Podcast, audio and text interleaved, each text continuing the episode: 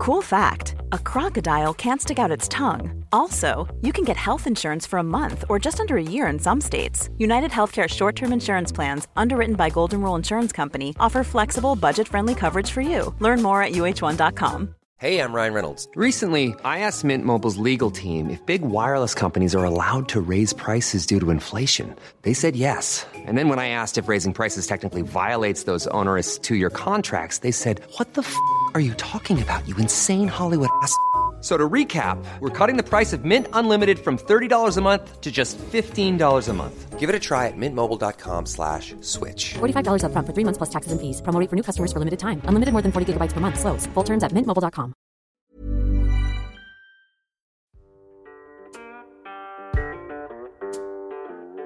Du kommer nu att få lyssna på podden om ont. En podcast om självhjälp mot smärta och stress med mig, Björn Rodin och med mina kollegor från Kaladius Rehab. Varmt välkommen.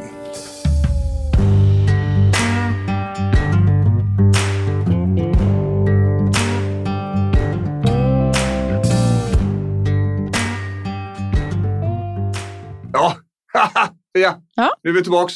Härligt. Åh, vad gött. Nu är det du och jag idag. Jaha. Vi skickar av Anders. Ja. ja podden om ont är tillbaks. Sävedalen by night. Ja. Valborg. Och Valborg idag när vi spelar in i det Ja. var det. Ja. Och du får inte säga någonting ännu Hanna. Du. Okej, jag är tyst ett tag till. Ja. Det, vi ska, det är så smart. Jag ska presentera det om en stund nämligen. Ja, eh, podden om ont. Välkomna tillbaks Björn Rodin. Sofia Örnefors. Jajamän, och vi har gäst med oss idag. Hon håller käft för att vi ska prata med, ska jag säga, om en stund ska vi prata med dig. Eh, vad har hänt sen sist? Ja, vi har ju en bra eh, utbildning online. Ja, den är inte dum. Nej. Nej. Kursen om ont. Kursen om ont. Ja. Det ligger uppe nu på Vimeo. Värt att kolla om man har ont. Ja, visst. Det är en sån basic grundkurs med eh, smärtlindring och stresskontroll egentligen. Mm. Mycket av det vi gör eh, på Kaladius varje dag. Precis. Fast det är en liten förpackning. Lite Och- upphottad form av dig. Ja, kan man säga. Det lät ju jävligt sexigt men det vet jag inte riktigt. Eh, Den är gjord av Patrik Uleus kursen och de- den är ju, ja, we love it. Eh, 495 kostar den. Och köpa online och sen bara kolla på den många man vill. Precis. Enkelt som fan. Kolla Eh, med familjen. Ja, det är ju ett av anhöriga där också. Det perspektivet. Det har vi kört innan på den också. Eh, vi har ett lite häftigare avsnitt på gång idag, skulle jag vilja säga. Ja, Ja, vi är ju lite så Pia, när vi, vi säger det här som man kanske bara tänkt. precis. Och där sticker vi ut hakan och fan, vi gör ett helt avsnitt om att sexas och ligga. och det är så vi ska göra det idag. Eh, och vi har, eh, vi har en gäst eh, och vi ska prata om stress, smärta och det sexuella. Så. Och vi har med oss Hanna Byström. Ja, Ja, fan är du? mycket bra fråga. Ja, svara mig. Vad vill du veta? Ja, vad jobbar du med? Ja, men jag jobbar som sexolog i Ligga med P3. Jag gör till vardags sitter jag också på Göteborgs stad, alltså i kommunen och jobbar som utvecklingsledare med SRHR-frågor. Alltså sexuell och reproduktiv hälsa och rättigheter. Just det, jag fick googla det faktiskt. Det är många som tror att HR är så här, ja men då jobbar du med personalfrågor. Ja, Mm. ja Det, på sätt och vis. på sätt och vis, men Ja. lite mer intimt kan man väl säga då. Ja. Ja, men du sitter i styrelsen för svensk eh, sexologi också. Precis, Svensk Ja. förening för sexologi sitter jag i styrelsen eh, och gör ideellt. Ja. Ja. Vad, vad jobbar du med? Alltså, vad, en sexolog idag, vad gör de? Ja, precis. Jag, tänker, jag brukar svara att jag gör det precis som du tror att jag gör. Ja, Ja. alltså det handlar om eh, läran om eh, mänsklig sexualitet. ja just det. Och det är ju väldigt komplext. Det är ju inte bara en sak. Det handlar inte bara om kroppar eller praktiker. Eller, utan att det är ett ganska komplext samspel av olika faktorer helt enkelt. Ja, just det. Mm. Just det. Eh, och, och din utbildningsbakgrund? Du är socionom i grunden? Precis, jag är socionom i botten och sen har jag både en magister och en master i sexologi. Ja, just det. Mm.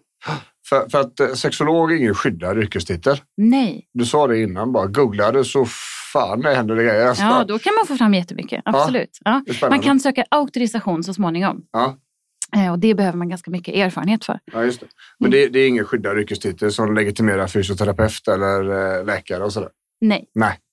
Och det, det, det skiter vi i. Det är, ju, det är grymt alltså. Eh, och vi ska ju ha ett sånt avsnitt idag där vi ska prata om Eh, om sex. Vid, Ja. vid smärta och stress. Jag älskar ju att prata om sex. Ja, det är det vi gör. Alltså, vi, vi jobbar ju väldigt mycket med människor. Mm. Bara människor. Mm. Och människor som lever i relationer. Just det. Och även som lever utan relationer såklart. Då. Mm. Eh, och vi kanske ska lägga en sån disclaimer som vi pratade om innan.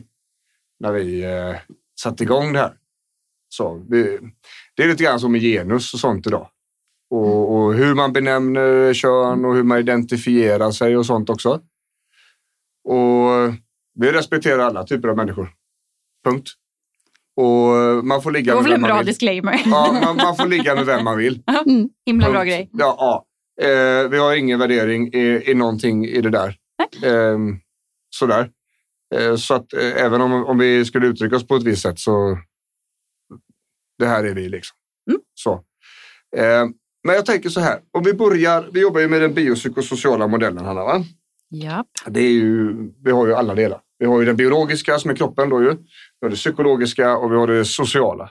Eh, också för lyssnarna då. Det biologiska det är ju kroppen och det du kan ta på och så vidare.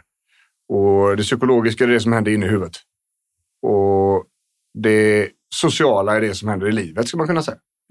Och vi kommer att vara framförallt då i, i det psykologiska och det sociala idag. Men, men jag tänker ändå, ändå att vi ska börja i det, i det biologiska hörnet, eller? Så, om jag, om jag... Vad ska vi börja? Ska vi börja med tjejerna? Ja, varför inte? Ja, damerna först. Damerna först. Ja, precis. När man har ont Mm.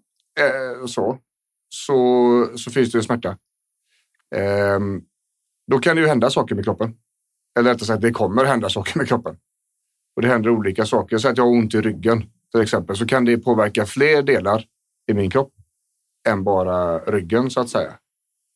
Eh, även våra reproduktionsorgan, könsorganen. Mm.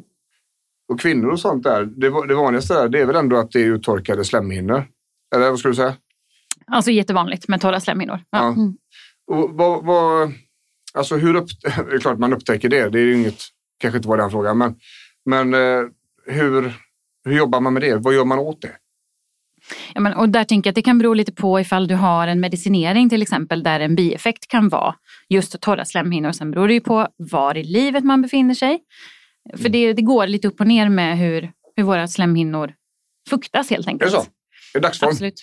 Ja, nej, men det, absolut, så kan det ju vara. Men också förstås om man eh, är lite äldre och kommit in i klimakteriet till exempel. Eller, Det ser ju förstås olika ut beroende på hur gammal man är. Mm. Så att, det, sen finns det ju en uppsjö av olika tänker jag, så här, glidmedel och, som man kan tillföra kroppen. Men, men där är ju det viktiga att liksom inte ersätta. Det, är ingen, alltså, det kommer inte lust kommer inte i förpackningen. Nej. Utan det kommer glid. Och det Ja. tänker jag är en, en jätteviktig skillnad. Så att, har man lusten men inte lubrikationen, alltså det blöta och fuktiga, Det då kan man tillföra det. Men det går inte att göra tvärtom. Nej. Och vi, vi kommer in på det där med lust om en stund, så där, tänker jag. Och när det gäller männen, då är det ju liksom erektionen. Precis. Eh, vetenskapligt sett så heter det erektil dysfunktion. Ja, det är ett himla fint ord. Ja, eh, ja, Nej, jättekrångligt. Ja. ja absolut. Eh, och det är väl någonstans så att tack vare att det är en man som har problem med det här så finns det ganska välutvecklade mediciner för det. Så är det. Mm. Kan det inte vara så? Absolut. Men och här tänker jag också att det handlar ganska mycket att skilja på, är det här någonting som är eh, Alltså med kroppens funktion, är det så att man faktiskt inte kan få en, Mm. ett stånd eller en erektion, då, då kan ju Viagra är väl liksom Mm. det mest eh, kända läkemedlet. Men det kan ju också vara så att man inte får upp den för att man faktiskt inte känner lust. Mm. Och det tänker jag börjar bli vanligare, att man Mm. också som man börjar sätta ord på att Mm. det, det är faktiskt olust. Så att jag Va- tänker att det Hur vanligt skulle du säga att det är? Oj, det tror jag är jättesvårt att säga. Det man, det man ser är väl egentligen mer att jag jobbade för, på ungdomsmottagning för några år sedan och jag tänker att det, sen, det sista året där handlade ganska mycket om att unga killar, ingången kunde vara, jag vill ha Viagra. Mm. En 18-åring. Och bara, Mm. Ja visst, absolut. No. Nej, men, och då får man liksom gräva lite och så kanske det handlade om att nej, men jag, jag, jag är inte kåt, jag är inte liksom upphetsad. Mm. Och så kan man, får man jobba med det. Så jag tror att det, det är svårt att säga en exakt procent för dem. I Mm. vården så ser man ju kanske mer av dem som faktiskt har en funktion som man behöver titta på. Mm. Men lusten eh, Okej. är det svåra. Mm. Och det, det är ju samma sak, alltså stressen hänger ihop med detta såklart. Så att det är inte bara smärtbesvär utan de här grejerna är ju även kopplade till stressrelaterade besvär. Men det finns ju andra sjukdomar också som kan skapa eh, problem med slemhinnorna. Eh, det finns ju ett, i alla fall en eh, reumatisk sjukdom som heter Sjögrens syndrom. Som är, den sätter sig på slemhinnorna. Just Det är det den gör. Ja. Så. Eh, när det gäller det erektila dysfunktioner så är faktiskt diabetes en Mm. extremt vanlig orsak till det. Det. Eh, och min eh, diabetesläkare sa det att det är ofta så här man upptäcker det. För att det är de här klassiska symptomen med törst och, och eh, kisseriet och sådana Ja, här saker. Mm. Det är inte alls lika vanligt. Utan när män kommer in eh, och så har de jätteproblem med erektionen. Och så tar de blodsocker. Och så är det sky high. Ja. Pang! Eh, för det är bland det första som går där nu. Just det. Ja. Mm. Eh, och det spelar ingen roll kan jag meddela hur bra det är medicinerat. Utan det är problem ändå. Mm. Så. Just det. Och det här är vad det är liksom. Det är en sjukdomsbild där. Så det, det finns olika ingångar där. Precis som du säger. Mm, absolut. Eh, och när det gäller smärtan och sånt och stressen, då, då menar vi på det att det här är ytterligare ett sätt då, eh, alltså ett incitament till att ta hand om de här grejerna. För det här är, det här är svåra saker. När det här inte funkar så, så händer det väldigt mycket grejer i huvudet. Vilket jag tänker att vi ska gå in på nu. Så vi flyttar oss ifrån, vi är så snabba idag att vi flyttar oss ifrån den biologiska delen. Ja, väldigt. Ja, men jag tror inte vi behöver gå in så mycket mer på det. Eh, För jag tänker besvär kopplat till biolog. Vi skulle kunna veckla upp endometriosdiskussionen och vi skulle kunna göra sådana här saker. Men då är vi mer inne på sjukdomsbilder, eh, tänker jag. Och, och då tror jag fan att vi ska ha en gynekolog istället. För en sexolog. Det, Och tror var, jag med. Det var lite grann för att hooka upp dig. För jag vi- ville ha det här psykologiska och det sociala. Eh, så. Ehm. Men, men jag tänker på sex eh, överlag i, i samhället. Eller jag, kom på, jag, jag tänker bara en sak till som har med kroppen att göra och som jag har mött lite grann när och då kanske det inte har varit, ja, men, eller smärta till exempel. Ja. Eh, så kan det ju för många, om jag tänker att jag har mött ganska många unga, att man inte har samma erfarenheter och samma ordförråd eller vad man ska säga, eller samma kontakt med sin kropp, så tycker jag att ett stort problem har varit att man inte kan identifiera riktigt var smärtan sitter. Och det måste ju ni möta jättemycket också. Att, det, att det är ganska Massor. diffust kring, ja men jag har ont, ja men var har du ont, var i kroppen känns det? Och att, att man också har svårigheter att beskriva känslor. Ja. Mm. Och det, nu glider man ju liksom Ja. både lite in och ut i det här psykologiska. Och, Ja, men det, det är ganska intressant det- där. ja. För, för vi pratar mycket om psykosomatiken. ja, just det. Det här när, när eh, hjärnans tolkning av smärta, alltså signalen som kommer ifrån vävnaden, inte är riktigt överensstämmande med nivån av skada. Just det. som kommer. Va? Eh, och väldigt ofta där, om jag, pratar, jag tänker, det, jag, det första jag tänker på det är man har ont, man vet inte var. Och eh, man har besvär i, i eh, slemhinnor och så vidare, till exempel. Mm. Ehm, det är ju väldigt stark stressmisstanke där. Alltså att, det. eh, Mm. och, och det finns ju faktiskt den delen där, där ångest kan kännas i kroppen. Absolut. Men du, känner, inte- du, du märker inte det i huvudet. För du har inte Nej. den här klassiska ångesten, att det är som hisnande känslan. Utan det är mer, någonting är olustigt inne i kroppen, men du vet inte var. Nej. Och tillräckligt hög stress där så kan det absolut uppfattas som smärta. Mm. Ehm, och då är det väldigt svårt att få, för det här är ju, menar, sexualgrejerna, det är ju saker som fungerar när allting annat funkar. Precis. Ja. Mm. Men, men skulle du säga att det här är, alltså hur, hur snabbt försvinner det här? Om jag, om jag har besvär till exempel. Om jag har ont eller är stressad och så vidare. Är det här det första som går? Eller är det här någonting som fungerar länge i processen? Nej, jag tror att det är jättevanligt och bland det första som försvinner. Alltså, jag tänker att vi är vana att prata kanske om stress. Psykisk ohälsa är fortfarande liksom på väg ut i ljuset tycker jag mer. Mm. Men, men just när det gäller sex, alltså det här är ju som att det är, fortfarande är ett stort tabuområde i mörkret. Allting ska, för att det finns någon uppfattning om att om man pratar för mycket om det så försvinner mystiken. Eller Ja. så här, "Åh, nej då kommer allt det roliga försvinna. Ja. Eh, och det tänker jag är, liksom är en myt som finns kvar. Och det tänker jag är en stor del i att när vi pratar om till exempel stress så måste vi också säga så här, det här kommer att påverka Ja. din sexualitet eller din lust eller hur du uppfattar dig själv. Alltså jag tänker, och, och det man vet är ju att har man liksom en, en allmänt god hälsa så är också den sexuella hälsan bättre. Mm. Mm. Och de hänger väldigt tätt ihop. Mm.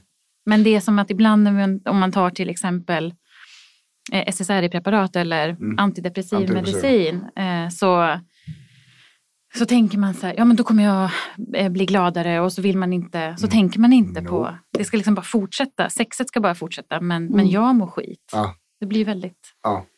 motsägelsefullt. Jag, jag tror det är någonstans, vi pratar ju mycket där om att vi ska må bra.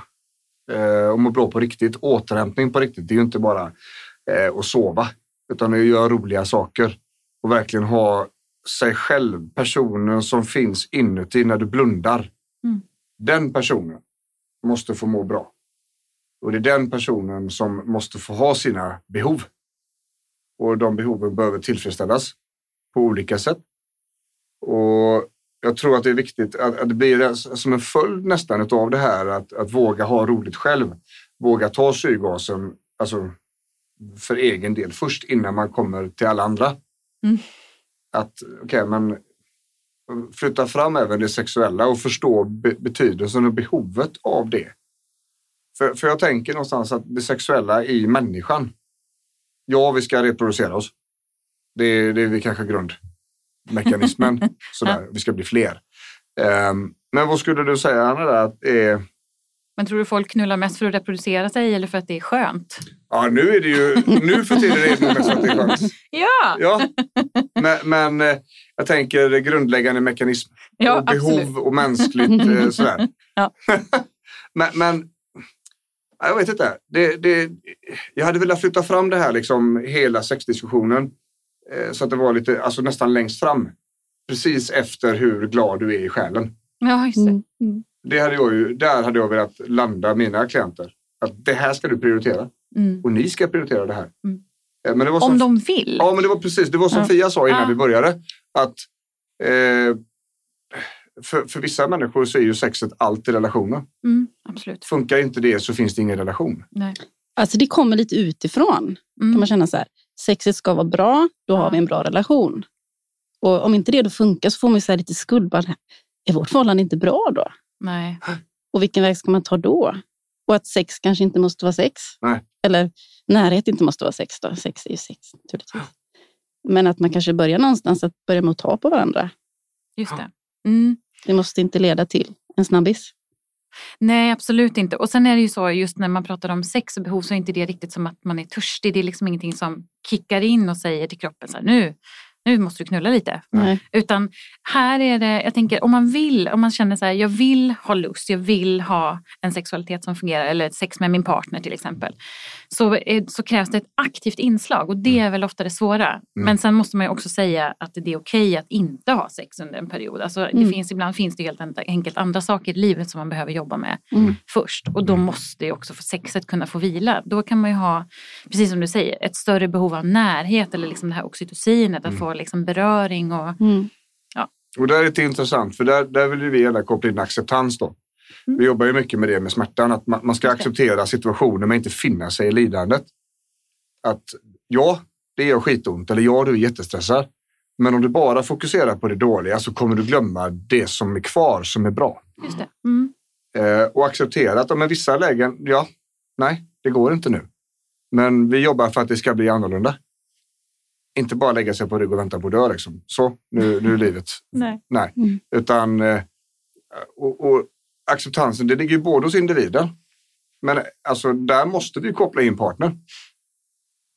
För att om inte motparten förstår vad det är som händer så blir det ju i stort sett omöjligt att, att jobba med det här.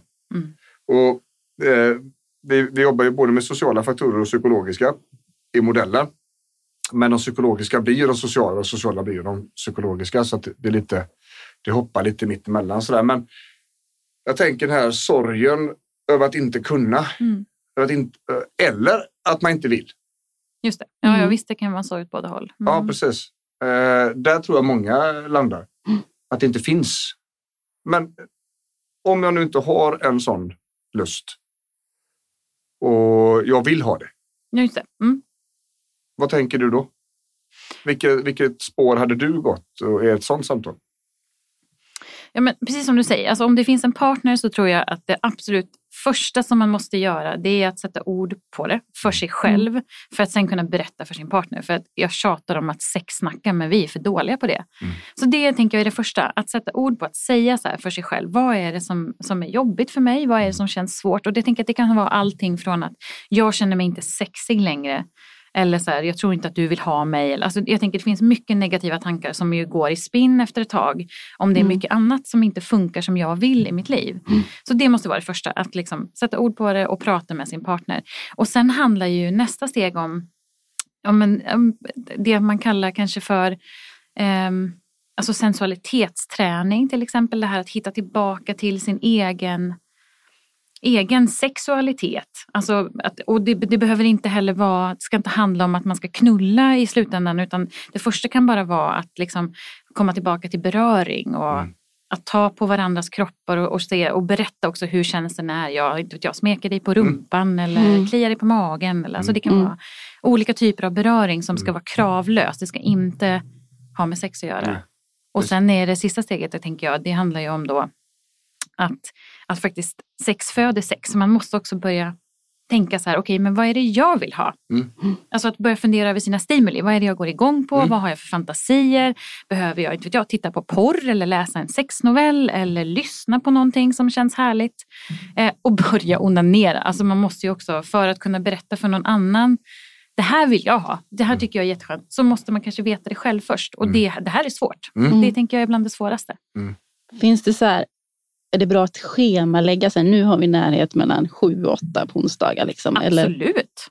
Mm. Alltså, och jag tänker att det är vi nog ganska dåliga på. Men, och det, och det måste ju inte vara en, en, specifik aktivitet men man kan ändå bestämma så här, den här kvällen ägnar vi åt oss åt varandra, mm. bara. Och det handlar bara om att vi ska ta på varandra till exempel. Alltså mm. inte sexuellt utan hitta tillbaka till just mm. goda hormoner. Det här mm. liksom att man känner sig härlig eller eh, mm. ja, berörd av sin partner helt enkelt. För det, det har ju vi som en grej som vi pratar med våra klienter om. Eh, just det här, vi måste planera. Mm. Vi måste tänka. För många av våra, de vi träffar, som har jätteont och är stressade beyond belief. Mm. Eh, de kanske måste vila före och vila efter. Just det. Eh, och, och då, det måste man schemalägga. Och det får bli kantigt och det får bli lite tråkigt då. Mm. Fast det behöver inte vara tråkigt för att alternativet hade varit att det inte hände alls. Och man kanske till och med måste tänka vad man gör dagen innan. Ja. Och vad man ska göra dagen efter för att inte få ont. Det är, det. är det vi pratar om pacing då. Liksom. Mm. Hur, hur gör vi här nu för att få det här till att funka? Och att alla är på samma ställe i huvudet på samma gång. Är, mannen kommer hem och så har han huvudet fullt med allt möjligt och så ska han fixa och trixa Eh, och klockan sju så, så är det time. Det är inte alls säkert man är på samma ställe då. Liksom. Så att, och där måste man ju kommunicera. Mm. Våga prata om det. Liksom. Mm. Eh, och jag tror att det är skitviktigt. Mm. Och planera och tänka, speciellt om man har besvär med det. Om man kanske har smärta där det gör jätteont, eh, sådär, då kanske vi måste se till att vara smärtlindrade så gott det går innan vi börjar eh, vad vi nu har avsett att göra. Liksom. Mm. Um, tänker också den här skulden som man kan få när man inte kan för att man mm, borde kunna och man borde kunna ge sin mm. partner det här. Som att man behöver därför också prata mycket om det. Mm. Verkligen, det på bordet. ta bort kravet. Ja. Mm. Men, och det här nu glider liksom in i det här sociala, men jag tänker det här med yttre påverkan är ju också himla stort. Vad är det för föreställningar vi har om alltså, så kallat normalt sex? Mm. Ibland brukar, om man, man är i en stor föreläsningssal, då kan man liksom fråga så här, nu vill jag att du pratar med din granne och berättar när du hade normalt sex senast. Och så får man ju då avbryta ja. innan någon överhuvudtaget öppnar munnen. Men jag tänker att det ger en bild av att alla bara, åh gud vad ska jag säga nu? Någonting som är normalt. Ja. Mm. Eh, att det finns, vi blir matade verkligen i liksom, ja, men i sociala medier, i filmer, i allt möjligt. Så här är det så här, så här många orgasmer ska du ha. Ja. Så här är ditt, du vet, det perfekta sexlivet. Och då, det är som att man hela tiden måste vara högpresterande och nå den här orgasmen liksom, jämt, jämt, jämt. Mm. Och jag tänker att man så här, vi har hela livet på oss att träna. Det måste mm. också få vara okej okay ibland och good enough ibland och ibland är det ganska dåligt. Men då kan det bli bättre nästa gång. Men mm. vi är mm. lite dåliga på liksom, att prata och kommunicera om om vad sex är. Alltså, för, Ja. det, för det är olika olika dagar. Mm. Man vill kanske inte äta pasta pesto sju dagar i veckan. Och på, det kanske man inte vill ha sex på samma sätt varenda gång heller. Nej. Och jag tänker, där är ju, där är ju relationen till partnern. Liksom. Kommunikation, kommunikationen. Och våga lyfta det, våga prata, våga lyssna på vad partnern säger och våga, lyssna, alltså, våga säga allt man vill säga. Mm. Okej, men det här och det här, det här tycker jag är jättenice, det här tycker jag, nej men det här är min grej. Mm. Eh, och att man börjar utveckla det tillsammans. Och där tänker jag, alltså när vi pratar om acceptans, då, då måste, någonstans måste vi inse att situationen är inte som den var förr. Nu är nu och då var då. Och sen är sen. Men nu, här idag, så är situationen som den är. Mm. Då kan det finnas en skada, det kan finnas en smärta, det kan finnas en situation som gör att det inte fungerar på riktigt samma sätt som tidigare. Då kan vi ju därifrån kan vi utveckla det. Vi kanske bara kan ligga i vissa ställningar där det inte gör ont. Och om bägge två vill ha sex så kanske det går att hitta en väg fram där fastän det inte ser ut som Cirkus Scott som det gjorde en gång i tiden. Mm. Och, och det, där tänker jag att där finns det mycket att hitta. Att utveckla det tillsammans som, Mm. en, som ett par, Absolut. som en enhet. Att så här ska vi testa nu. Fan, jag funderar på det här. Eh, Borde inte detta kunna funka? Ja, spännande. Det får vi testa. Mm. Eh, och, och då, precis som du säger, man börjar tänka på sin sexualitet. När bägge två börjar jobba ifrån de här nya ramarna så, så är det väldigt häftigt. Liksom. Eh, det man ska säga så här, det här är ju väldigt, väldigt svåra saker, speciellt då man kanske är trött. Mm. Om man har utmattning, utmattningssyndrom eller, eller liknande. Absolut. Då, vad skulle du säga i de, de fallen? Där man egentligen är för trött, man orkar inte riktigt. Är, är det där vi bara ska låta det vara eller? Jag tror att det är jättesvårt att säga någonting generellt om alla som har en utmattning. För det Ja. kan ju finnas de som, som behöver ganska mycket sex eller som känner att det här är det här ger mig energi, för det gör ju det. Det kan också ge energi även om man Såklart. blir trött efteråt eller liksom att det frisätter hormoner Mm. som gör, känner oss liksom harmoniska eller lyckliga. Men som sagt, det är också någonting som säger någonting om att jag är ganska trött om man har en utmattning. Och då kanske, jag tror bara att det viktiga är att, att säga att, att liksom få klart för sig själv. Vill jag ha sex? Mm. Eller, eller är det här en period av till exempel närhet, av kramar eller av alltså, att det är mycket kommunikation och lyssnande. Mm. Alltså den typen att få prata om, om känslor och bli lyssnad på. Mm. Men att sexet inte får bli ett krav förstås. Jag tänker också det du pratar om att det, kan, det, det är okej om det är dåligt. Att man kanske, det är okej om det är några gånger det är dåligt sex, men man har ändå provat. Ja, Man har försökt liksom att Ja. inte det ska bli ännu en skuldbeläggning. Liksom. Nu blev det inte så bra som jag hade tänkt. Alltså jag tänker så här, om man frågar vuxna i sin närhet, har du någon gång haft dåligt sex? Så är jag liksom helt övertygad om att de, den absolut största majoriteten skulle svara ja på den frågan. Ja. Därför att av massa olika anledningar så är man kanske inte alltid så närvarande som man vill eller man kanske har en partner som inte är det och så vidare. Så det, det måste få vara Mm. mindre bra vissa gånger också. Utan, utan att det blir ett problem. Liksom. Mm. Ja, absolut. Men, men vi pratade om det tidigare där, n- när lusten inte finns. Mm, Jag kanske vill ha sex, just, det, fast det inte finns någon lust. just det. Jag tänker vi, vi behöver nog skilja på de två, eller? Vad, vad, ehm, vad tänker du där? Så, Alltså vad sa du? Att om, Alltså, att, man, man, man, vill, man kanske vill ha sex, men man har inte den här sexuella lusten. Nej, just det. Nej, men, och då handlar det väl först att utröna kring alltså, om det finns en, en medicin till exempel som har vissa biverkningar och alltså bara rent... Är, den- det, är det den vanligaste? Alltså, Nej, är det den nej, vägen nej. du går först? Nej, nej, jag bara Nej. tänker det behöver man veta också eftersom det finns flera faktorer som påverkar. Men sen det här, då måste man ju börja ställa frågor.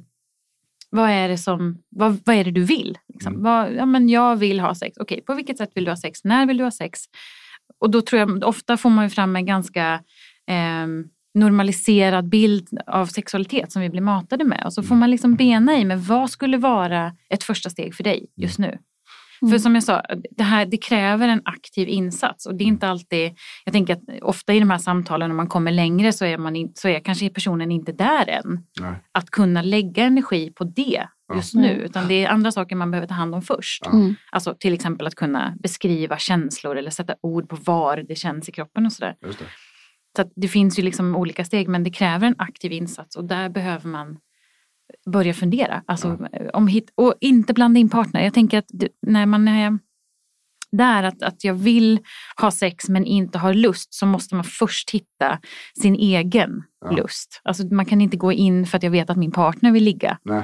Så kan, inte man, så kan man inte gå in i det utan först måste man tänka så här, ja, men om jag börjar onanera, om jag börjar hitta vägar där jag känner mig sexig eller sensuell, alltså vad det nu är. Mm.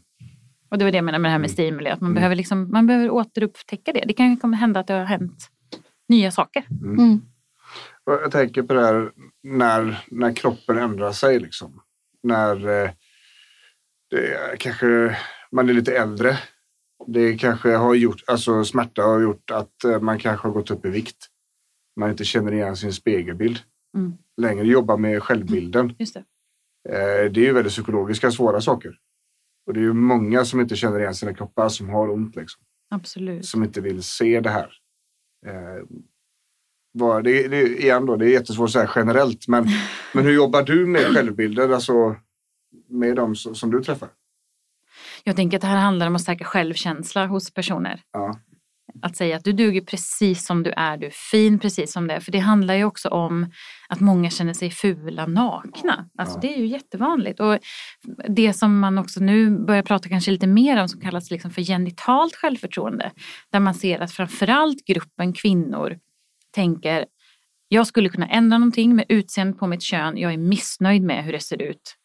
Och, och det här är en växande trend och det är också kopplat då till viss typ av intimkirurgi. Ja. Men jag tänker att det också hör ihop med, alltså kön är ju en del av våra kroppar och känner man sig missnöjd med kroppen generellt och kanske specifikt då könsorganet så blir det ju Ja. ganska jobbigt i väldigt intima situationer. För det är ju Ja. svårt att och gömma ha sex med kläderna på. Jaha. Cool fact a crocodile can't stick out its tongue. Also, you can get health insurance for a month or just under a year in some states. United Healthcare short term insurance plans, underwritten by Golden Rule Insurance Company, offer flexible, budget friendly coverage for you. Learn more at uh1.com. Quality sleep is essential for boosting energy, recovery, and well being. So, take your sleep to the next level with Sleep Number. With a Sleep Number smart bed, you can individualize your comfort level and enjoy a better sleep night after night. JD Power ranks Sleep Number number one in customer satisfaction with mattresses purchased in store. And now the Queen Sleep Number C4 smart bed is only $1,599, a saving of $300, only for a limited time.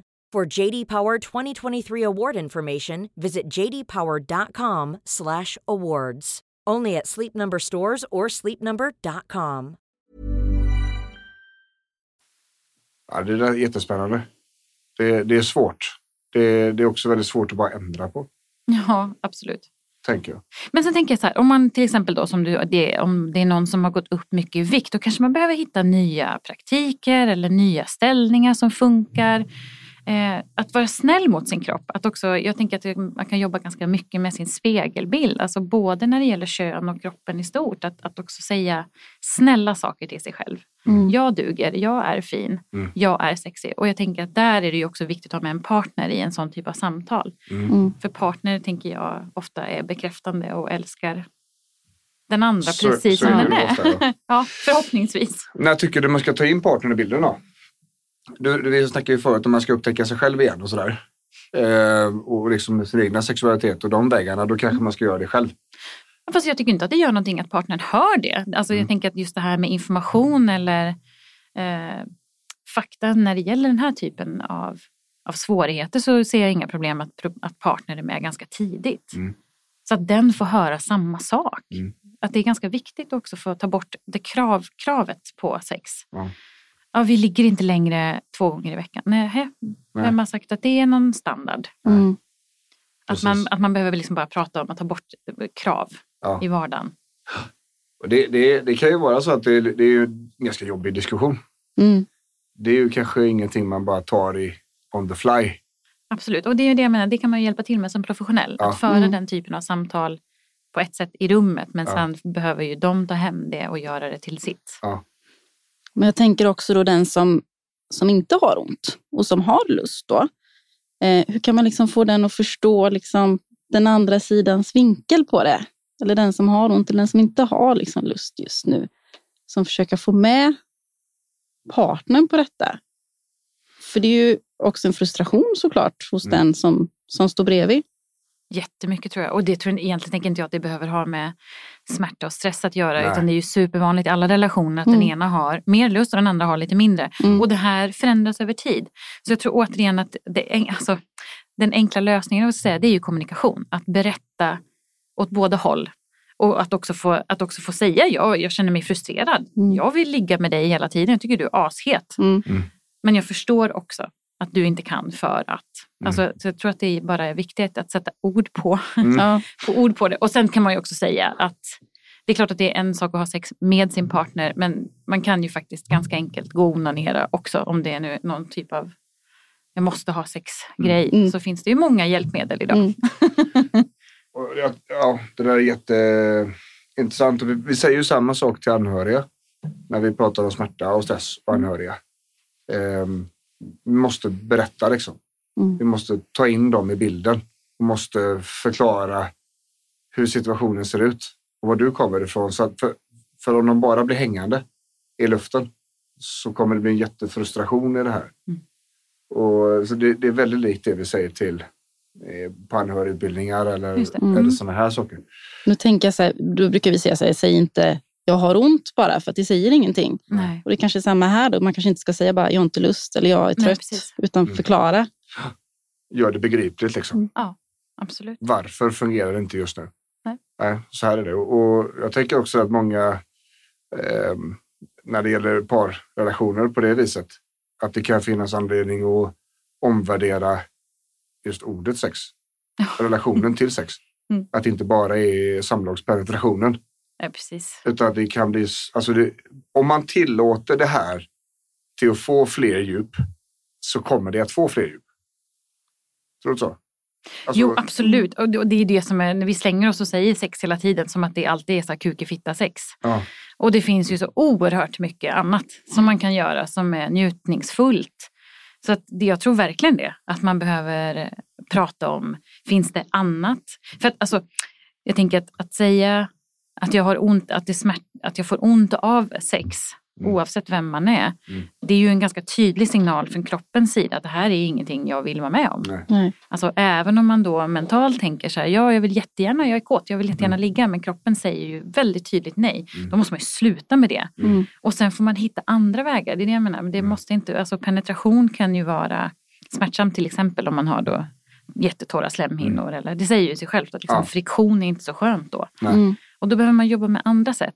Ja. Eh, och det är ju, ja, För, för att när det gäller, eh, ska vi säga, eh, avslappning och sådant och även ur kroppsperspektivet. Om vi fortsätter att göra någonting som gör ont ur det fysioterapeutiska perspektivet så kommer vi då bli rörelserädda, heter det. Mm. Det innebär att kroppen undviker att göra den rörelsen för den kommer associera aktiviteten med smärta. precis. Och det blir ju samma sak. Det blir Med sexet. samma sak. Om, om du finner dig att det gör lite ont eller mer ont så kommer det att fortsätta. Det kommer att bli ett beteende till slut och kroppen kommer förvänta sig att det gör ont nästa gång också. Och då har du nästan drivit in dig i en spiral som är kass. Mm. Absolut. Så det, det, det här med att man, ja, men det kan göra lite ont. Ah, det vet inte fan alltså. För det är inte alls säkert det blir bra i slutändan. Det kan ju skapa fler problem utav det liksom. Nej, och framför allt då om vi då pratar kuk i fitta sex med torra slemhinnor till exempel att man inte, får, att man inte lubricerar, det vill säga man har inte skickat signaler till kroppen att jag är kåt och upphetsad.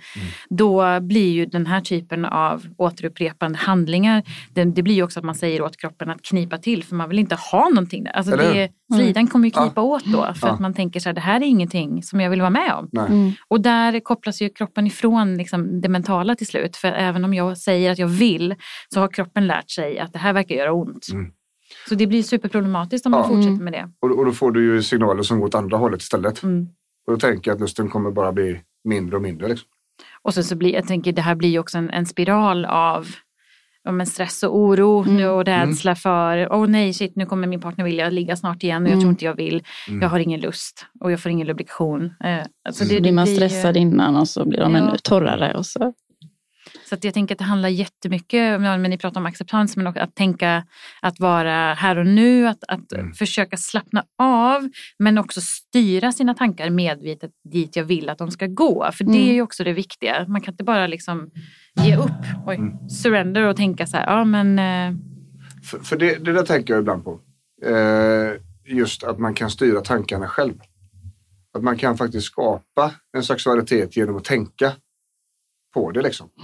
Och tänker man inte på det, vilket är fullt naturligt när man är stressad och har hela livet fullt med skit eh, och ont överallt kanske. Det är väldigt svårt. Och det är att känna sig attraktiv och känna sig sexig och ens vilja ha sex. absolut. Men var ska det komma ifrån då?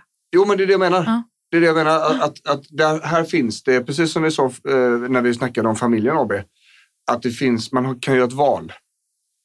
Ja, vi vet att det finns eh, ramar där, där valet inte går att göra hur mycket som helst. Men du kan välja att du ska göra bra saker och lyckliga saker och roliga saker. Du kan också välja att inte göra dem. Eh, nu vet vi om att kliniska depressioner och liknande, det är jättesvårt att vara glad. Eller låtsas att man är glad. Då, va? Ja, ja, ja. Men ehm, det, det är ett val. Vi kan påverka vårt mindset och vår, våra tankar på ett sätt som vi kanske inte riktigt förstår idag. Och många där ute har ingen riktig, ska vi säga, inte inblick, men vi kan göra väldigt mycket mer än vad vi tror genom att tänka oss in i olika setuper. Och, och just börja fundera på det sexuella tror jag är jävligt viktigt för väldigt många som har ont. Alltså. Eh, och vi pratar om avslappning. Vi pratar om att slimmuskulaturen drar ihop sig när, den inte, när, det, när det gör ont. Liksom. Eh, skulle jag vilja koppla till eh, avslappning och smärta. Mm. För avslappning, om vi har ont i kroppen så är eh, en central del i att vi ska slappna av i musklerna. För att en spänd muskel blir en öm muskel som kommer skicka signaler som tolkas som smärta. Och ju spändare mer jävligare blir det. Eh, och det, det gör ont. Va? Eh, att ha avslappning som en sån här aktivitet. Om vi ska ge lyssnarna ett konkret exempel på att okej, jag är stressad, jag har ont. Eh, sexlivet är kanske inte riktigt där jag vill ha det och så vidare. Eh, att använda avslappning. Mm. Kanske som ett förspel om man nu har bestämt sig för att det ska bli så. Eh, eller, eller som bara en närhetsaktivitet. Mm. Då tänker jag mer på det här som jag pratade lite om förut som, heter, som kallas liksom för sensualitetsträning. Ja. Eh, och då måste man vara supertydlig med ramarna. Att det här handlar, den här aktiviteten ska inte leda till sex. Alltså det är okej att få en erektion eller att lubricera och bli kåt. Men den ska inte leda till sex. Mm. Utan, och här turas man om ofta. Att man säger, du, alltså den ena parten börjar. Och då är det bara fokus på den. Alltså, så att den ena gör någonting. Till exempel masserar eller smeker, använder en fjäder eller olja. Eller, eh, och att det handlar jättemycket om att, att bara få slappna av och försöka vara kvar i en känsla. Att försöka tänka så här, är det här skönt? Men inget, så att säga, inget krav på sex. Mm. Så att jag tänker att det är viktigt. Ja. Alltså, man, för att just, Att vi håller isär dem. Mm. Att, ja, att, jag tänker att det är viktigt. Att, Ja. För det handlar ju om att komma i kontakt med sin kropp ganska mycket igen. Mm. Eh, och att, att som sagt det här eh, liksom hormonet att få bli berörd, att få Mm. känna alltså de taktila. Mm. eh, Jag, jag, Mm. tänk, jag tänker att eh, det kanske är två olika, eller flera olika typer.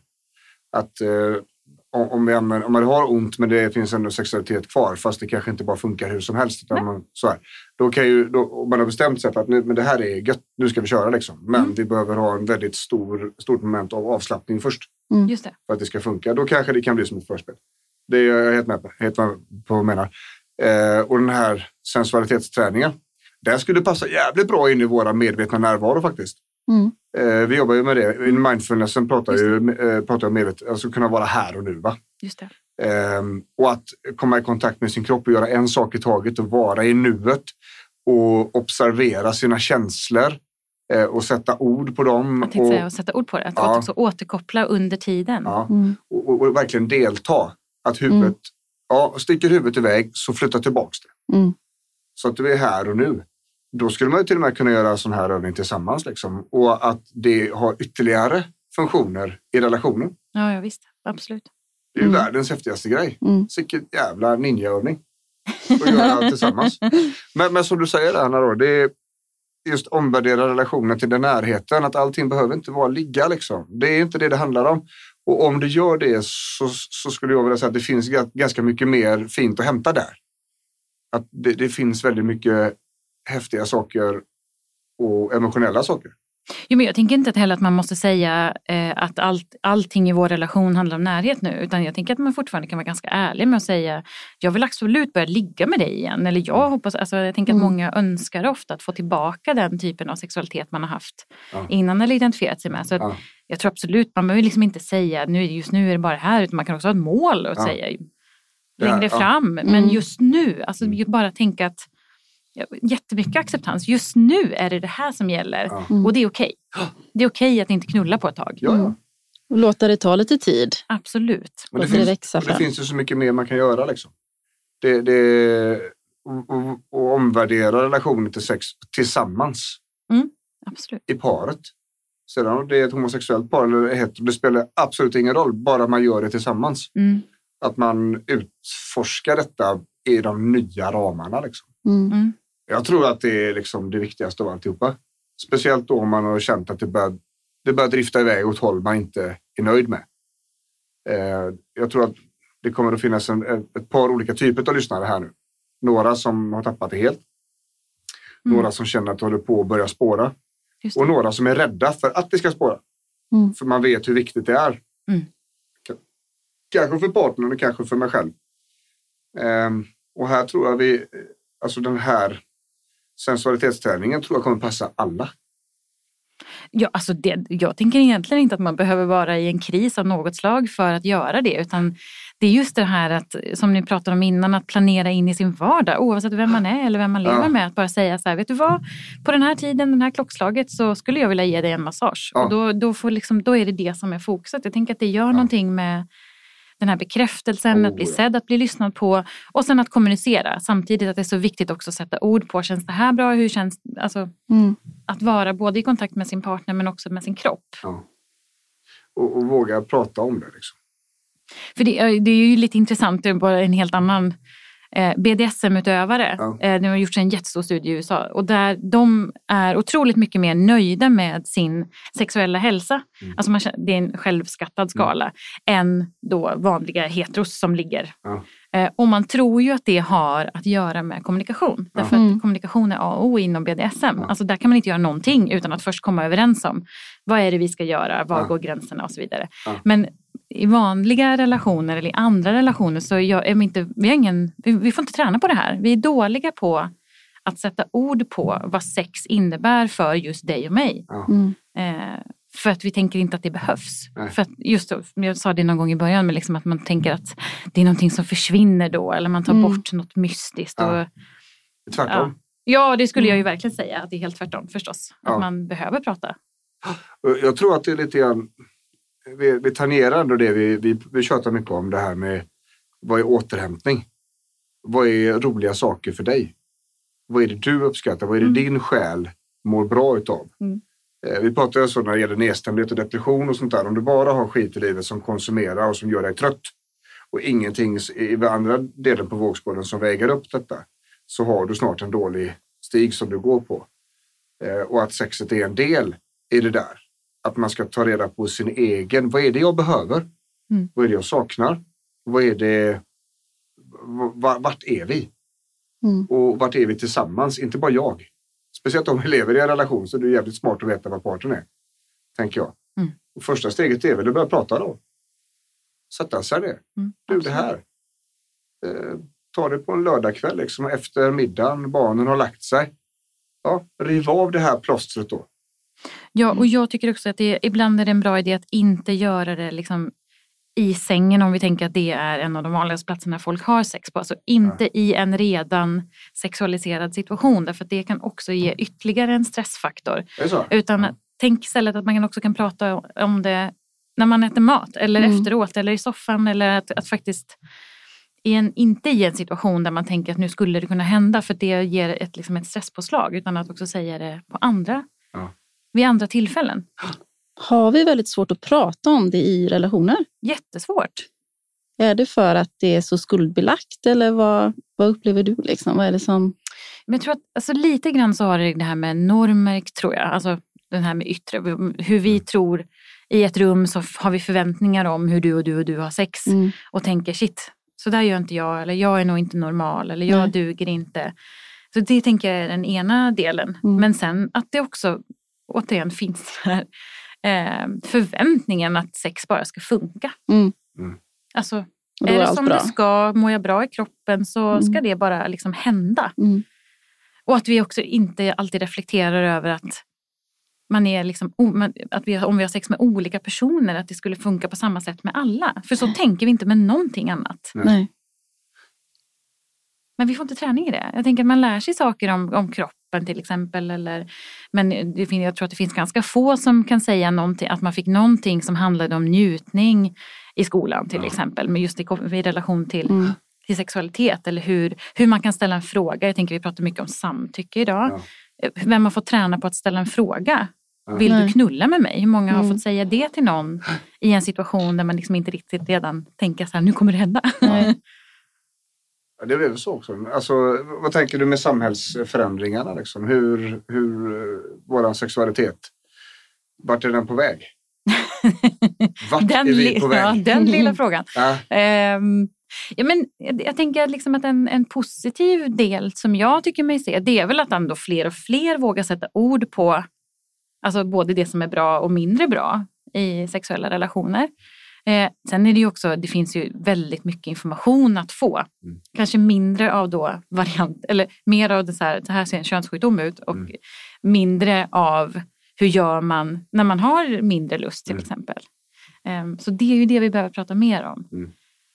Och sen finns det ju liksom porr och så finns alla andra delar och jag tänker ändå att, att det, det, det, det ger en större bild av vad sex och sexualitet är idag. Det tänker jag ändå är en bra grej. Mm. Men sen kan det också för mig, alltså den lite mindre bra sidan är väl om folk tror att det bara ser ut på ett visst sätt eller Ja. Det, det är väl det här, man får skapa sig sin egen, sin egen känsla. Alltså sitta i förarsätet istället för att bara åka med. Jo men det måste också finnas plats till, jag tänker jag kan inte sitta själv och reflektera över om de gör så här på tv, är det så jag ska Mm. göra? Jag tänker man måste också få prata om det i relation till mina medmänniskor eller till Mm. min omgivning. Att det måste finnas forum för där det är okej att prata om så här känns det för mig, har ni också upplevt samma sak? Eller? Mm. Mm. Och det är vi ganska dåliga på. Ja. Jag tänkte på det här också, du pratar om att lära känna sig själv igen och vad man har, sin egna sex- sexualitet. Att kanske våga börja dagdrömma igen då. Så vi pratar ju om att leva i nuet och så, men att, att som vi är så bra på när vi är barn. Mm. Absolut, fantisera. Ja. Ja, det tror jag är jätteviktigt.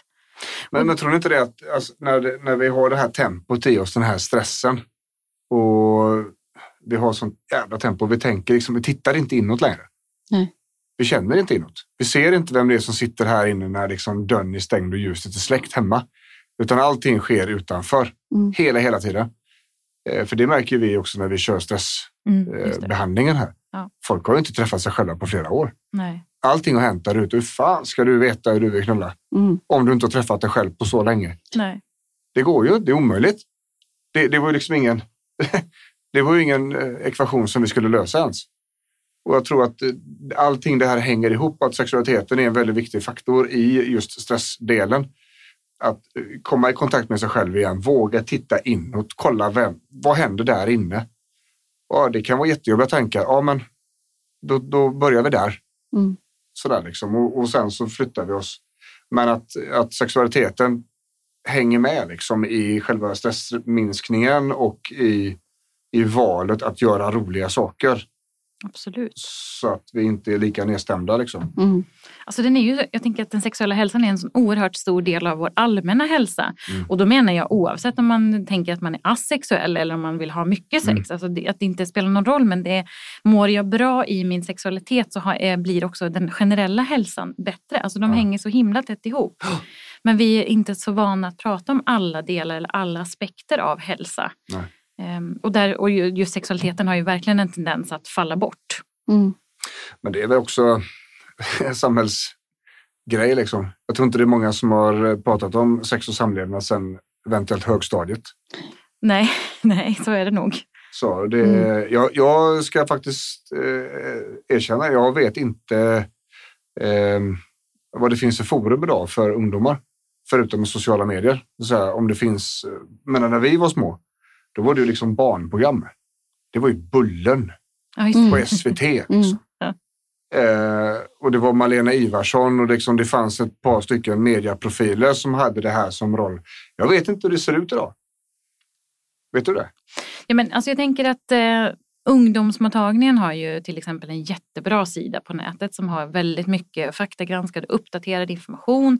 Sen har vi alla så här datingappar, sen finns det ju massa forum där man kan chatta Ja. och där man också kan skicka in frågor eller till exempel Ligga med P3 som också är liksom ett program där man poddar och, och kan ställa frågor. Ja. Så att om, om jag tänker tillbaka på, jag läste KP när jag var Ja. liten och Mm. var så här, den här Annika, hon- du vet, Ja. fråga Annika, fråga Mm. kropp och knopp, hon Ja. har världens bästa jobb.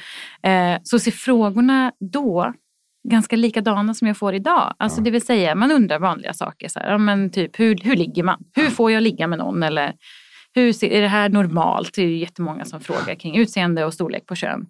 Men de vanligaste frågorna är ju också just kring så här, hur, hur känns det när man blir kär? Hur, Ja. hur är det med lust? Eh, Alltså, Och det, här, det här är mycket ungdomsrelaterade det är det verkligen. Pratar Mm. någon med de vuxna?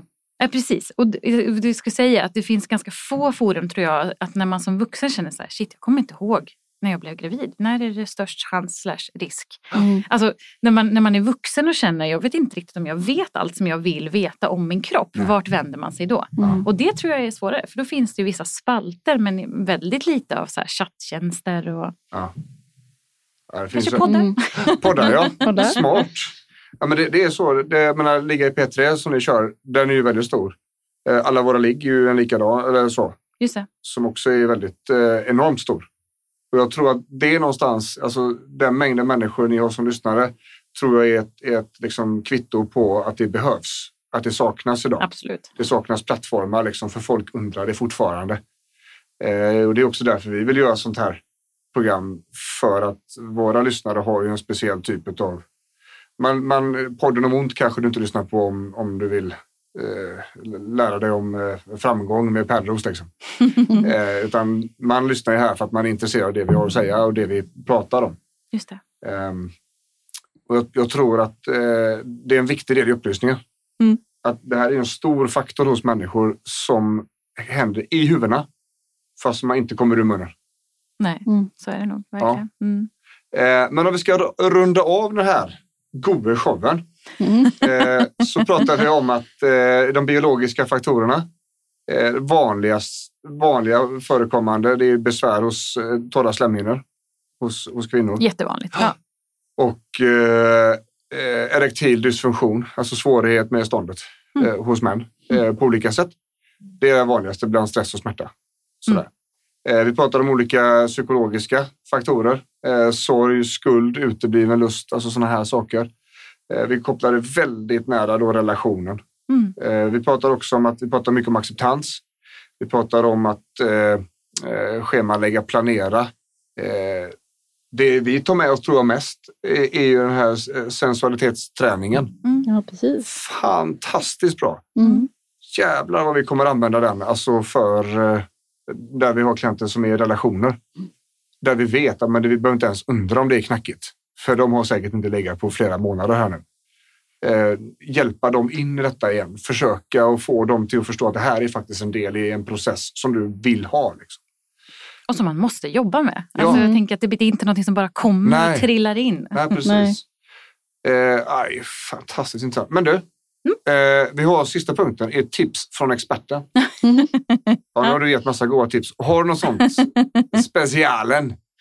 Ja, men jag, skrev, jag tänkte så här på några saker ehm, inför att jag förstod, sa att skulle fråga så här, om man ger några tips i slutet. Så tänker jag, det första är väl verkligen att tänka så här, låt det ta tid. För att för de allra flesta så kommer sexlusten tillbaka. Om det är det vi pratar om. Att jag tänker att Mm. lusten påverkar slemhinnorna och eh, möjligheten att få stånd och så, så att, Låt det ta tid. Det är okej att i perioder inte ha sex. Vi måste bara säga det. Det, det får ta tid ibland. Mm. Ehm, det andra är ju att sexsnacka. Jag tjatar ganska mycket om det, men vi är dåliga på att sätta ord på vad vi känner och hur det blir i oss när det gäller sexualiteten och framförallt i relationer. Vad händer i mig när du säger att du inte vill eller tvärtom? Och så, Mm. alltså att vi behöver börja sätta ord på det helt enkelt. Mm. Eh, och sen det sista är ju just det här att det krävs en aktiv insats. Man Mm. behöver tänka att sex föder sex, det vill säga vill jag ha sex så kanske jag behöver börja liksom fantisera, börja tänka på sex. Vad är det jag vill ha? Vad njuter jag av? Och, och därmed alltså, börja i sig själv för att sen kunna ha sex med någon annan. Att det är det som är det viktiga. Mm. Jag tycker det avrundar jävligt bra. Ja, verkligen. Eller? Kunde inte sagt det bättre själv. Ja, men jättebra. Eh, stort tack för att du eh, kom till oss, Hanna. Tack Mm. själv, jättekul att vara med. Sjukt roligt. Eh, det finns nog alla anledningar till att ta vidare det här. Mm. Eh, ja. Nej, jag vet inte. Jag är bara helt... Det var en fantastisk timme det här. Ja, jättebra. Ja. Eh, hoppas ni som lyssnar har haft lika roligt. Eh, vill man komma i kontakt med Kaladius så är kaladius.se snabbaste vägen in. Facebook har vi också, Kaladius Rehab och Instagram, Kaladius Rehab. Eh, I övrigt så ifrån Sävedalen, denna varma Varberg, säger Björn. Nu säger du ditt namn. Jaha, Hanna. Och Sofia. Ja, säger vi hej! Hej då!